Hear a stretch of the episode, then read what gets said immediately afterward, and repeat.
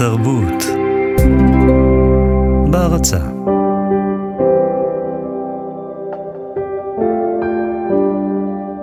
יוליה גל משתנקת בבכי במהלך שיחת ההכנה שלנו לתוכנית הזאת. היא בוכה כי עברו כל כך הרבה שנים מאז שאותה ילדה קטנה בת 16 ברחה מהעתיד שהיה אמור להיות שלה, ובציפורניים נחושות נלחמה על חייה. לא, החיים שלה לא היו בסכנה, אבל הם היו אמורים להיראות בדיוק כמו החיים של אימא שלה ושל סבתא שלה לפניה, בקהילה היהודית הקטנה באוזבקיסטן המוסלמית, ובדיוק מהאילוץ הזה, יוליה ידעה שהיא רוצה לברוח. רוצה לברוח מהאפשרות שיסיעו אותה לגבר, רב הקהילה, שמבוגר ממנה בלמעלה מ-20 שנה. הנערים בליווי הוריהם, או גברים שחיפשו שידוך בקרב בנות יהודיות כשרות, כבר נהגו לפקוד את הבית. היא רצתה לברוח מעתיד שמצטמצם אל החצר המגודרת, וכולל התמסרות מוחלטת למלאכות הבית ולמשימות היומיום, וגם לאותו גבר שייקח אותך מבית הורייך. וכך, מצוידת בנחישות חסרת תקנה שמאפיינת אותה בעסקיה גם היום, וכנגד כל הסיכויים וכל הפחדים, היא עלתה על מטוס ונחתה ילדה לבדה בארץ זרה, ארץ ישראל. היום כולנו מכירים אותה כיוליה גל, בעלת רשת מכוני הציפורניים יוליה, עם עשרה סניפים בארץ וחלום שעדיין לא נגוז לשייף ציפורניים גם מעבר לים. יוליה מעסיקה בעסק שלה רק נשים, וגם בבית הספר, שאותו פתחה כדי להכשיר נשים למקצוע, היא מלמדת כל אחת ואחת מהן את הדרך שלה, והיא סוג של תזכורת לאותה נערה אמיצה ונטולת מעצורים, וזו השליחות שלה בעולם. להעצים נשים ולהבריח אותן אל מעבר לגבולות האני שלהן, ובראש ובראשונה, את עצמה. שלום לכן, אני ענת לב אדלר, וזו התוכנית כותבת ומוחקת אהבה, בית לנשים שמפיצות ומחפשות השראה. הפעם האורחת שלי היא יוליה גל, שנלחמה בציפורניים על חירותה, ולימים הפכה להיות המקימה והבעלים של רשת יוליה לטיפוח הציפורניים. רשת המונה כיום עשרה סניפים, אבל ההתחלה הייתה הרבה יותר מאתגרת. שלום יוליה. שלום. כמה את יפה. תודה. בואי נחזור ליום ההוא, שבגיל 16 את גונבת מההורים שלך אלף דולר, ובלי לספר לאף אחד, את עולה על מטוס מאוזבקיסטן לישראל לבד. וואו. כן, עברו מאז 17 שנה, קצת יותר. כן. איך ילדה בת 16, מאיפה האומץ, הנחישות, התקווה שהכל יהיה בסדר? תראי, כשאת בת 16, 17, הכל נראה לך אפשרי לגמרי. את לא חושבת אף פעם על משהו שהוא לא אפשרי. זאת אומרת, את פשוט חולמת והולכת על זה. אבל ממה ברחת? מהחיים שם בעיקר, מלהתחתן בגיל 16, 15, 17. עם מי? קודם כל לא חסר. לא חסר שידוכים, אבל... ככה זה מתבצע? זאת אומרת, כן, דרך שידוכים. נערה מגיעה לגיל 15 בקהילה היהודית באוזבקיסטן, שהיא מדינה מוסלמית. נכון. והקהילה צריכה לשמור על הייחוד שלה, ובעצם הדרך לעשות את זה זה להתחיל לשדך לבנות הצעירות. נכון. גם נערים, אבל גם גברים שהם מבוגרים מהן, וספרי לי איך זה היה מנקודת המבט שלך, מה את ראית כילדה בת 16 שגרם לך לרצות לנוס על נפשך? בסופו של דבר צריך להבין שזה לא היה החלטה של רגע אחד. זאת אומרת, אני זוכרת את עצמי מגיל 12-13 רוצה לעשות את זה, מחכה אה, להגיע לגיל 16, באוזבקיסטן מקבלים את הפספורט בגיל 16, ופשוט לנסוע לישראל. ולהתחיל חיים חדשים, אה, לעבוד, לעשות, להתפתח. ו? וזהו, וכך אבל... הגעתי. ככה הגעתי לארץ. בגיל 16 פשוט ידעת שאת לא רוצה את העתיד הזה שצפוי לך. מה היה בו באותו עתיד? מה את ראית? שמה הולך להיות אם את נשארת שם? שאני מתחתנת אה, עם מישהו, לאו דווקא מבוגר, אבל כן, השידוך שהיה את, לי באותו זמן זה מישהו בן 36-7. ש... אה, שהוא היה רב בקהילה, כן, הוא בדיוק חזר אה, משהו מישראל. כן, אה, אבל זה לא היה משנה, גם אם מישהו בן 25, זה, זאת אומרת, זה לא משנה, לא, התכוון, לא היו לי כוונות להתחתן ולא היו לי כוונות אה, להישאר באוזבקיסטן. כל מה שרציתי זה לברוח משם ולהתפתח. את אמרת לי בשיחה המקדימה, אני לא ראיתי את עצמי עומדת ומשקה את העצים כל יום אחרי בית ספר. תתארי לי את החצר, את הבית, את העצים, את, ה, את האווירה בכלל. כן, אה, צריך להבין שמגדלים אותנו שם, את הבנות כמובן, לתוך זה שצריך אה, לדעת אה, לארגן את הבית, לנקות, לשטוף, לבשל, כל הזמן להיות בגינה, את יודעת לארגן הכל, להשקות את העצים כמו שאמרת. את המשק. זה מה שאימא שלי תמיד אמרה שזה הכי חשוב, צריך, זה מה שצריך ללמוד. כל השאר בנות לא צריכות. ואני לא, לא ממש הסכמתי איתה בדיעבד. בדיעבד זה נכון. את אמרת לי, אה, אני הבנתי שהולכים להיות לי חיים כמו בסעודיה. זאת אומרת, כבר אז בגיל הצעיר, את ראית קדימה ואת לא הסכמת למה שאת רואה. ידעתי פשוט שאני לא רוצה את החיים האלה. ואז? אני כן רציתי משפחה, ילדים, הכל, אבל לא באותו זמן, את יודעת, 15-16 זה כלום, את עוד לא... זה לא היה בראש שלי. ואז את מתחילה לצבור כסף? ברגע, ש, ברגע שקיבלתי פספורט, שזה בשש, בגיל 16. את הלכת לבד להוציא פספורט? כן. לא, ההורים... לא, בעצם הלכנו, לא, בהתחלה הולכת עם אמא כי היא צריכה לחתום, וקיבלתי אותו כבר לבד. וההורים לא חששו שאם עכשיו יש לך פספורט את יכולה לברוח? מי חשב על דבר כזה מטורף, תביני, אנחנו... אני אפילו לא באה מעיר בירה, זאת אומרת, מעיר כזאת נידחת באוזבקיסטן, זה, זה לא, לא, לא חשבו שאני יכולה לעשות כזה צעד משוגע. לעזוב, עזבי לעזוב את הבית, איזה כתם זה. תחשבי לעזוב את המדינה, זה בכלל... עובדה שכשבאתי לארץ לא יכולתי לפנות למשפחה. חכי עוד נגיע לזה. ואז את יודעת פחד. שיש לך פספורט, ומה את צריכה עכשיו? אה, כסף לקנות אה, את יודעת, לקנות uh, כרטיס טיסה. שקנית. אותו בעצמך, איך ידעת לאן ללכת כדי לקנות כרטיס טיסה? לא, היה מקום, uh, יש, uh, אין שם סוכני נסיעות כאלה, יש מקום אחד ששם קונים כרטיסים, כולם ידעו איפה זה, בכל עיר יש את המקום הזה אחד, והלכתי, קניתי כרטיס. בכסף שלקחתי כמובן מההורים בלי לשאול. לקחת את הסכום במלואו, שכל פעם לקחת קצת, הם שמו לב? בהתחלה לקחתי רק לכרטיס, הייתי בטוחה שאחר כך אני אסתדר, אבל ברגע האמת, כבר כשהייתי צריכה לנסוע, ידעתי שאני, הבנתי שאני חייבת קצת כסף בצד, אחרת, אה, את יודעת, שיהיה לי לאוכל בהתחלה. אז בסוף בסך הכל זה בערך אלף דולר. מה עוד לקחת איתך? שזה המון כסף זה... בשביל אה, אוזבקיסטן, צריך להבין. באלף דולר אפשר לקנות אה, שתי דירות. זה המון המון כסף. שתי דירות. שם. שם.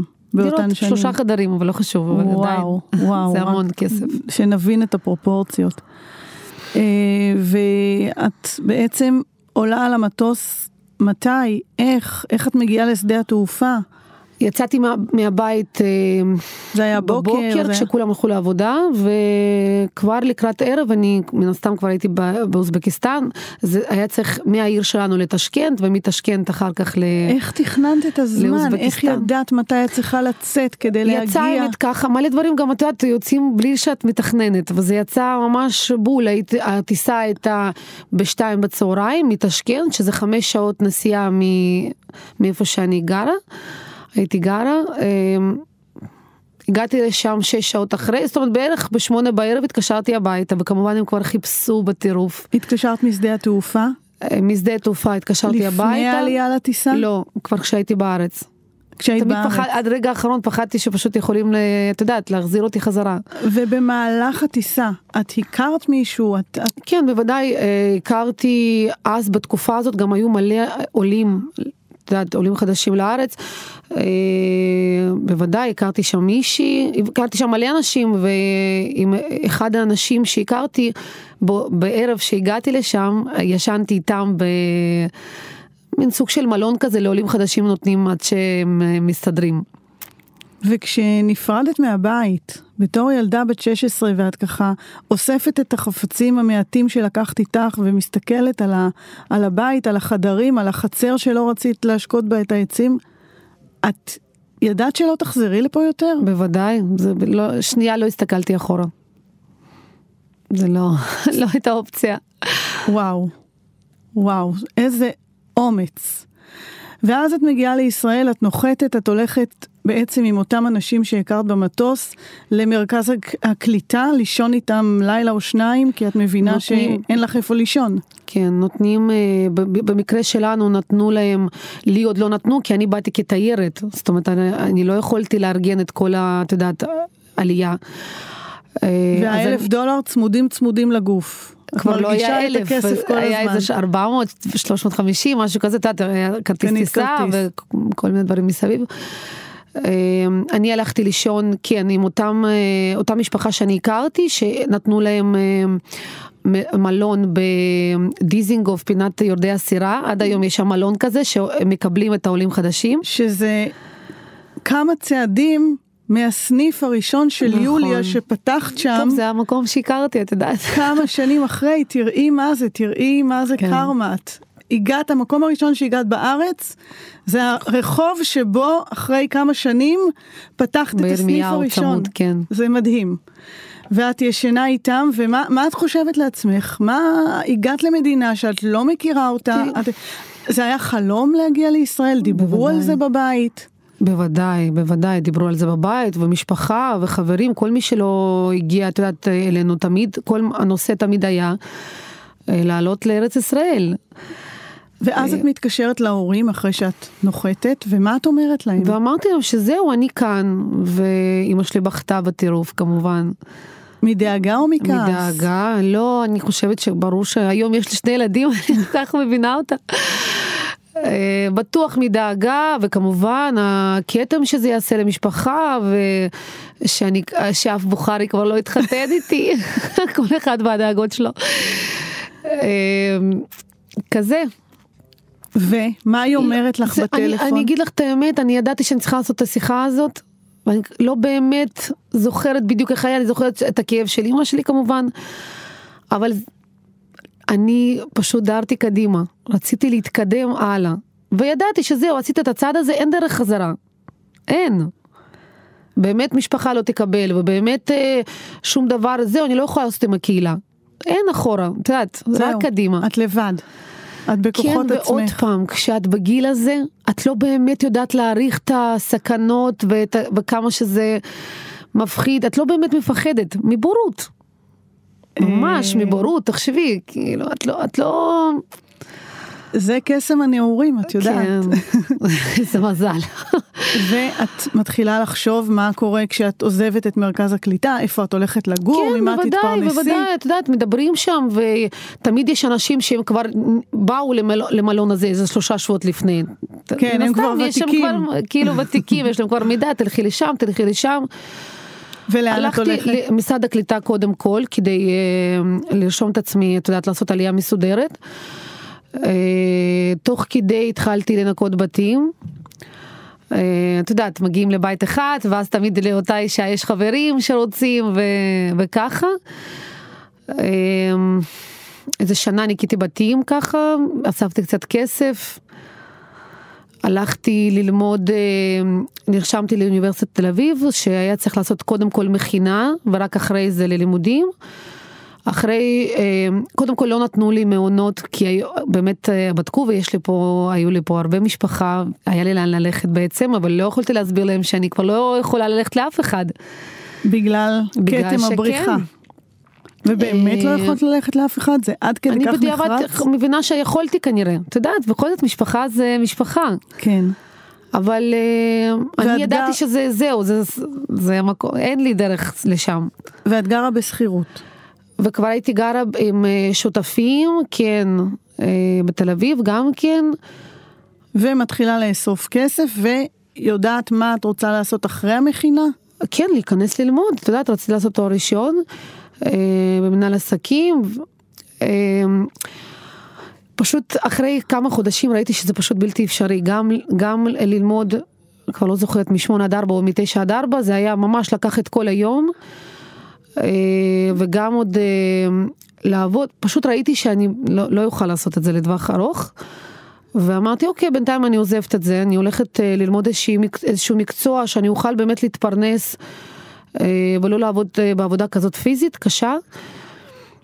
הלכתי ללמוד את המניקור פדיקור, מקצועות היופי זה היה נראה לי ש... משהו שהכי מהר אני יכולה להתפרנס ממנו אחרי זה. היום את כבר לא צריכה קורס במנהל עסקים, את עשית יופי של עסק מהדבר הזה שהלכת ללמוד. כן. ו... איפה עבדת בהתחלה? ניסיתי לעבוד אה, בכל מיני אה, מספרות ואת יודעת אז זה היה כזה פינה במספרה. נכון זה עוד לא היה תופעה. נכון וראיתי שזה אף פעם לא הסתדר לי כל כך להיות שכירה האמת. סיפרת לי שעבדת אצל אה, שוקי זיקרי? הכי הרבה שעבדתי זה היה אצל שוקי בגלל שהוא היה כזה בן אדם מדהים שהוא בן אדם באמת מדהים. ואת עוזבת את כל המקומות שבהם היית שכירה כי את... הייתי פה ושם, כן, ראיתי שזה לא מסתדר ותמיד חשבתי שאני יודעת יותר טוב. זה בעיה של גיל 18, שאת תמיד חושבת שאת יותר חכמה מכולם. וזהו, ופתחתי מקום ראשון הכי קטן, אה, ממש קטן, אה, בירמיהו פינת בן יהודה. כבר הרווחת מספיק כסף כדי לפתוח מקום קטן? זה היה מקום ממש קטן. שכירות של אלף שקלים, זה פשוט, לא, עוד פעם, לא ראיתי ברירה אחרת.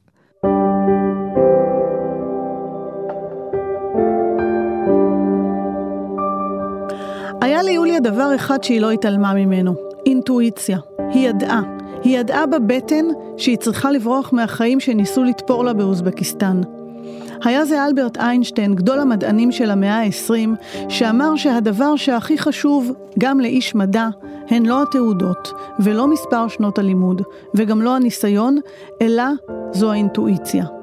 מהי אותה אינטואיציה שספקנים נוטים לדחוק את רגליה, אבל מי שהתרגל לעשות בה שימוש לא מסוגל בלעדיה? אינטואיציה היא היכולת להסתמך על התחושות ועל הרגשות שלנו, ובעיקר על הפענוח שאנחנו מעניקים להן, ולהתייחס לכך כאל דרך לגיטימית ובטוחה להתנהלות בחיי היומיום. בני אדם הם מצבורי אנרגיה המקיימים חיים אלה מול אלה, והיכולת להעניק משמעות למהות האנרגטית הניצבת מולנו בעזרת שימוש ברגשות ובתחושות היא מתנה מאוד מאוד גדולה. ככל שנסתמך יותר על האינטואיציה שלנו, נגרום לה להתממש, להתפתח, להתעצם, להתרחב ולשרת אותנו לטובתנו הגבוהה ביותר. והיא בתמורה תחדד ותדייק עבורנו ותעודד אותנו לפעול בהתאם לתחושות הבטן שלנו.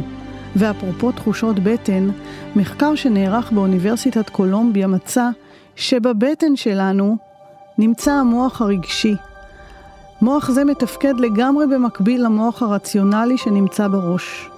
בעזרת הפעלת המוח הרגשי, אנחנו מצליחים לא אחת לעקוף את מגבלות הרציו ולעבור תהליכי צמיחה ושינוי ושחרור דרך הבטן.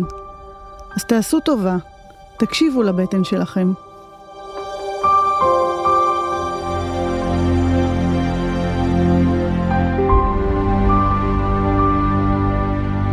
אז את בת 17 בערך, משהו כזה. 17 וחצי, כמעט 18. את מתפרנסת מניקיון בתים, בטח ניקית יותר מבית אחד ליום. בוודאי, שניים, שלוש בתים. ואת אוספת מספיק כסף כדי להבין שיש לך את הסכום לשכור מקום בתל אביב, תחשבי מאיפה הגעת.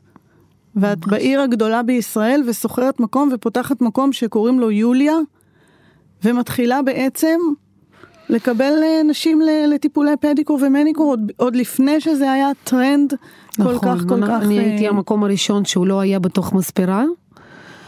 אה, אבל עוד פעם זה היה מקום ממש קטן בקושי אני ולקוחה נכנסים זאת אומרת אני לא זוכרת יותר, אותו לא יותר מזה. לא יותר מזה. המקום היה קטן אבל החלום היה גדול. החלום היה גדול מאוד. החלום הזה מונע היום עשרה סניפים, תחשבי איזה דרך את עברת, תחשבי מה שאת עשית. עשרה סניפים, כמעט 200 עובדים, כן. שרובם, לא רובם, כולם נשים, נכון? כולם נשים, חוץ משימי האהוב שלי. בעצם זאת מבחינתך אה, אג'נדה להעסיק אה, רק נשים? אמ, בהתחלה לא באמת חשבתי ככה שזה, את יודעת, זה מקצוע של נשים כן, בסופו של דבר. כן, אבל אפשר, את יודעת, אה, פקידי קבלה. אני, אני מאוד בעד לתמוך, כן, בנשים, להתקדם ו...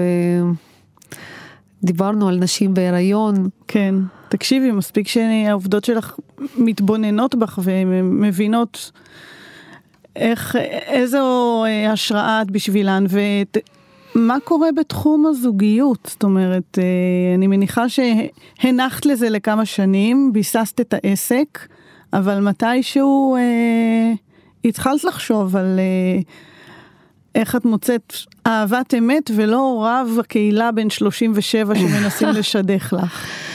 אז בקשר לעובדים קודם כל, נכון הם כל הזמן אה, כשראו שאני לוקחת אה, נשים בג... בחודש רביעי או חמישי או שישי להריונם לעבודה, הם תמיד כמובן, אה, היום זה כבר לא הלם כי זה כבר שנים, אבל uh, זו האג'נדה שלי, כי אני מאמינה שבן אדם שרוצה לעשות בעיות הוא יכול לעשות גם כשהוא לא בהיריון. לגבי הזוגיות, אני כן, בגיל 25 אני החלטתי שאני רוצה להיות נשואה בגיל 27. אצלך הכל עובד לפי החלטות. אמ, אין מקום ל... וכך קרה. אין מקום למקרה. לא, תמיד היה נראה לי שבשביל כל דבר צריך, את יודעת, כן, מטרה ו... אז הצבת לעצמך את מטרת אהבת האמת בגיל 25, ומה את עושה בשביל זה? אמ, בהתחלה, די בהתחלה אני הבנתי שאני רוצה שזה יהיה, אם, החלטתי שאם אני רוצה שזה יהיה באמת אה, יביא תוצאות, אז אני צריכה להירשם, ל... אני נרשמתי ל JDate בעצם. ו... כי היית עסוקה מדי בשביל ללכת לברים? אני עבדת, לא, אף פעם לא הלכתי לברים, זה לא שלי. אה, קודם כל עבדתי משבע וחצי בבוקר עד 11 וחצי בלילה, כי זה, כבר הייתי בזמן הזה בסניף דיזינגוף, זה סניף השני שלי, שהוא היה פתוח עד 11, עד שסוגרים, את יודעת, זה 11 וחצי בלילה. אה, לא באמת היה זמן, את יודעת, לפגוש ככה. ואני ממש, זה היה מזל, את יודעת, אני כל כך אה, מרוצה שעשיתי את הצעד הזה. אבל סיפרת לי בשיחה שלנו שבמשך תקופה את גם עבדת בזה. זאת אומרת, זאת הייתה מבחינתך נכון, מטרה. כל דבר, את יודעת. אוקיי, ספרי קצת על זה. כמו שאני אומרת לבעלי, אני צדתי אותך, step by step. דיברת על זה שאת לא מוכנה להיות כמו הלקוחות המקסימות היפהפיות שלך. יש לי מלא לקוחות מדהימות, אחד יותר יפה מהשנייה, אחד יותר חכמה מהשנייה. והגיעו, ומגיעים לגיל 40 ולבד, כמובן כל אחת והסיפור שלה. אבל כשאני מדברת איתם, נגיד היום גם, כשאני רואה בחורה ב-30 פלוס, אני אומרת לה, אוקיי, את חייבת לראות, את לא מבינה איזה דבר מדהים זה, אומרים לי, לא, אמ, זה, זה לא אמין וזה לא ככה. נכון שיש כל מיני, את יודעת, בעבודה כמו בעבודה, כאילו, יש כל מיני. ואת פוגשת מלא אנשים, אנשים שאת רוצה והם לא רוצים אותך, שרוצים אותך ואת לא רוצה אותם. את מדברת על ההיכרויות כן, באינטרנט. כן, יש כל מיני, נו אז מה? ואיך את עשית את הסינון והגעת לנועם המדהים שהיום הוא בעלך ואבא של הילדים שלך והחצי השני נכון. ומתוך אהבה שלמה ואמיתית. אז אני, אה, כמו שאמרת, זה היה עבודה שנייה, אה, ובאמת הכרתי מלא אנשים מדהימים. אה, כמו שאמרתי, חלקם לא רצו אותי, חלקם אני לא רציתי אותם, חלקם ניסינו וזה לא הסתדר.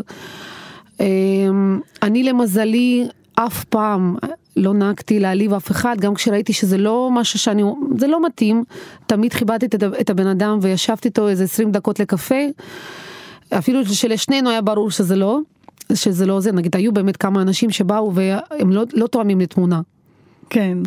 אז חשבתי איזה מסכן בן אדם שהוא צריך לשים תמונה שזה לא שלו, או מאיזושהי זווית כזאת. אבל, אבל עם נועם הכל התאים. לא בהתחלה, אבל בסוף זה התאים. אה, וככה אני פגשתי את נועם, גם כשפגשתי דרך אגב את נועם, את יודעת, אנשים אומרים, אני פוגע, פגשתי וידעתי מהרגע הראשון. אז לא, פגשתי ולא ידעתי מהרגע הראשון. אבל uh, כשהכרתי אותו עוד יותר, ראיתי שיש בן אדם מדהים. יוליה, תגידי, אם הבת שלך הייתה עושה את אותו דבר מה שאת עשית, מה, איך היית מגיבה? אה, תשמעי, זו שאלה, אני גם, אני, מתכו... אני אה, רואה את הבת שלי והיא בדיוק כמוני. אה, אני מנסה לתת לה את כמה שאני יכולה לתת לה את החופש, את יודעת, להתבטא ולעשות, ותמיד אני אומרת לנועם שלנו יהיה יותר קשה, אבל לה יהיה יותר קל. צריך לתת לה להתבטא, והיא ממש, היא אלופה, בת שלי באמת. ממש. כמו שאימא שלך בסופו של דבר נתנה לך להתבטא עד כדי כך שההורים עשו עלייה ועלו בעקבותייך לארץ והיום אימא שלך עובדת איתך בעסק. זאת אומרת נכון. אתם ביחסים מצוינים בואי ספרי נכון, לנו קצת. נכון נכון בוודאי. אימא שלי אחותי כן אנחנו כולנו עובדות יחד. הם, הם, הם עשו עלייה לפני שמונה שנים. הם, אני כל כך מאושרת שזה קרה ועם כל המשפחה אני בקשר. כמובן, הכל לא היה כזה נורא כמו שאני חשבתי. וזהו, בסוף את יודעת, בסוף משפחה זה משפחה ולא יעזור. נכון. תראי, אם אני הייתי במשרד החינוך, אני הייתי דואגת להחתים אותך על אה, מסע אה, הסברה בין נערות בכל הארץ ונערים גם, כדי לספר להם את הסיפור שלך, סיפור מעורר השראה בכל קנה מידה. תודה. אה, אם היית עומדת מול כיתה כזאת עכשיו של נערות ונערים בני 16, מה היית אומרת להם? פשוט ללכת אחרי החלום שלהם, והכל בסוף איכשהו מסתדר, ועובדה שהסתדר, ואני... חשוב להבין שהכל כמובן הגיע בעבודה קשה, שום דבר לא מגיע סתם. ו... עמוד שדרה, אני מאחלת לכולם, תשמעי, זה מאוד מאוד חשוב. בסוף, התמדה, התמדה, התמדה, ואתה מגיע, השמיים הם הגבול. ומה עם הפחד? היום יש יותר פחד, כי יש קצת שכל. זה בא עם הניסיון בחיים. זאת אומרת שאם היום היית צריכה לנוס על נפשך מאוזבקיסטן, לא בטוח שהיית מצליחה. אני כבר לא שם, תשמעי, אני, אני, אני לא, את יודעת, אנחנו גם חיים במדינה אחרת לגמרי, זאת אומרת, נכון. זה, זה משהו אחר לגמרי. אני גם חיה עם מישהו שהוא בכלל לא קשור לשם, בעלי חצי גרמני, חצי, רבע צ'כי, רבע פולני, אז זה כאילו גם, את יודעת. כור היתוך. אני גרה עם בן אדם אחר לגמרי, זאת אומרת, הכל, אה, המדינה הזאת, את יודעת, אין, אין פה, אין גבול לאן שאפשר, ומה אפשר לעשות פה. עם הנקודה הזאת אני בהחלט בהחלט מסכימה, ולראיה, את באמת בנית אימפריה של רשת של פדיקור ומניקור, אני חושבת שכל אישה שחשובות לה אה, מראה הציפורניים שלה, מראה כפות הידיים, מכירה את הסניפים שלך ולא בכדי. ותודה רבה לך, יוליה גל. תודה. על הבאמת סיפור הזה שאני לא מכירה הרבה שדומים לו. תודה רבה ששיתפת אותנו, ותמשיכי לחלום, יש חלום נוסף שלא הגשמת? יש, אבל כרגע לא יכולה לחשוף אותו. אוקיי, okay, אנחנו נמתין בסבלנות. תודה רבה. תודה רבה לך, תודה.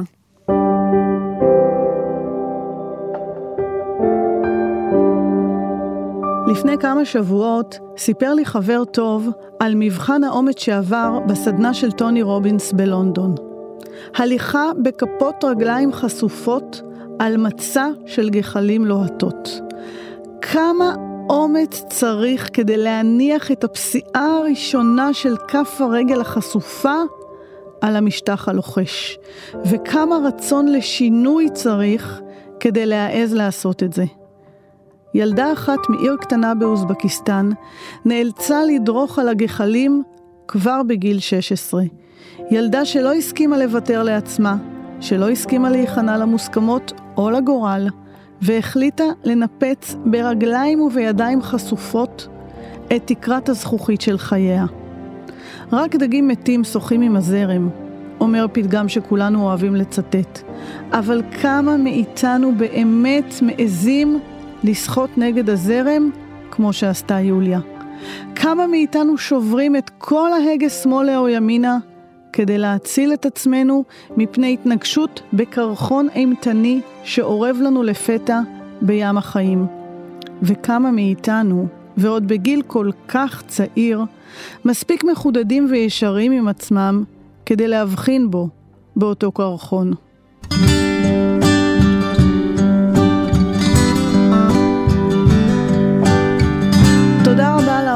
שלי, יוליה גל, בעלת רשת יוליה. תודה רבה לעורך ניר גורלי ולטכנאי השידור אסף רפפורט. אני הייתי ענת לב אדלר וזו הייתה כותבת ומוחקת אהבה. ואם אתם סקרנים לגבי התוכניות הקודמות שלנו, אז כבר אפשר להאזין להן באתר של כאן ובאפליקציית הפודקאסטים, מומלץ בחום. נתראה בכאן תרבות ביום שישי הבא. ולסיום, כמו תמיד, שיר, והפעם רק הבית הראשון מתוך שיר משמר שכתב נתן אלתרמן לביתו, תרצה אתר, שלימים שלחה יד בנפשה. שמרי נפשך, כוחך שמרי, שמרי נפשך, שמרי חייך, בינתך, שמרי חייך. מקיר נופל, מגג נדלק, מצל חשך, מאבן קלע, מסכין, מציפורניים. שמרי נפשך מן השורף, מן החותך, מן הסמוך כמו עפר וכמו שמיים. מן הדומם, מן המחכה והמושך, והממית כמי באר ואש קיריים. נפשך שמרי ובינתך שיער ראשך, עורך שמרי, שמרי נפשך, שמרי חייך.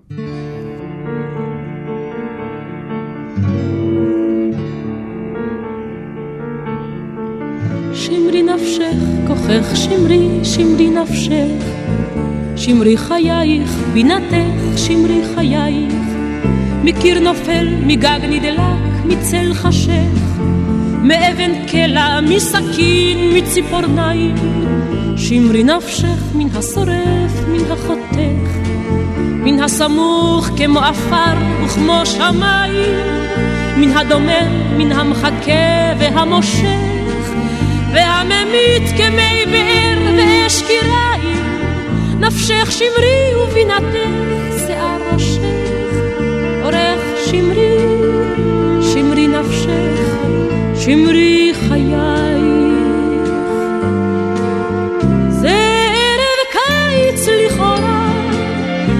לכאורה רק ערב קיץ טוב, ידוע וישן, שבא לחסד ולרחמים, לא למורא ולא לרחש חשדות ודבר עשן, שבא עם ריח תבשילים ועם נורא אשר טעים, עד אם ננוח ונשאר, עד אם ננוח נשאר, רק ערב קיץ חם וטוב הוא לכאורה, רק ערב קיץ חם שבא לא למורא. הנה הרוח יד שולחת ובלי רחש, פתאום חלון לאט נפתח בחשיכה. אמרי מדוע את צוחקת כמו פחד אמרי מדוע את קופאת כמו שמחה, אמרי מדוע העולם כה זר עדיין, ואש ומים מביטים בו מכל צד, אמרי מדוע בו מפרפרים חייך, כמו ציפור מבהלה בתוך כף יד, אמרי מדוע את מעוף ורעד רב, כמו ציפור בחדר.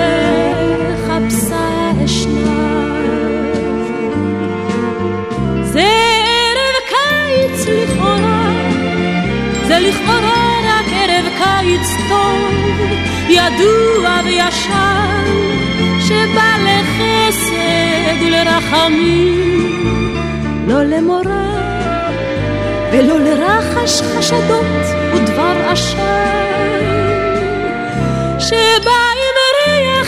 שלי, ואם נורא אשר תעיר, עד אם ננוח ונשען, אם ננוח ונשען.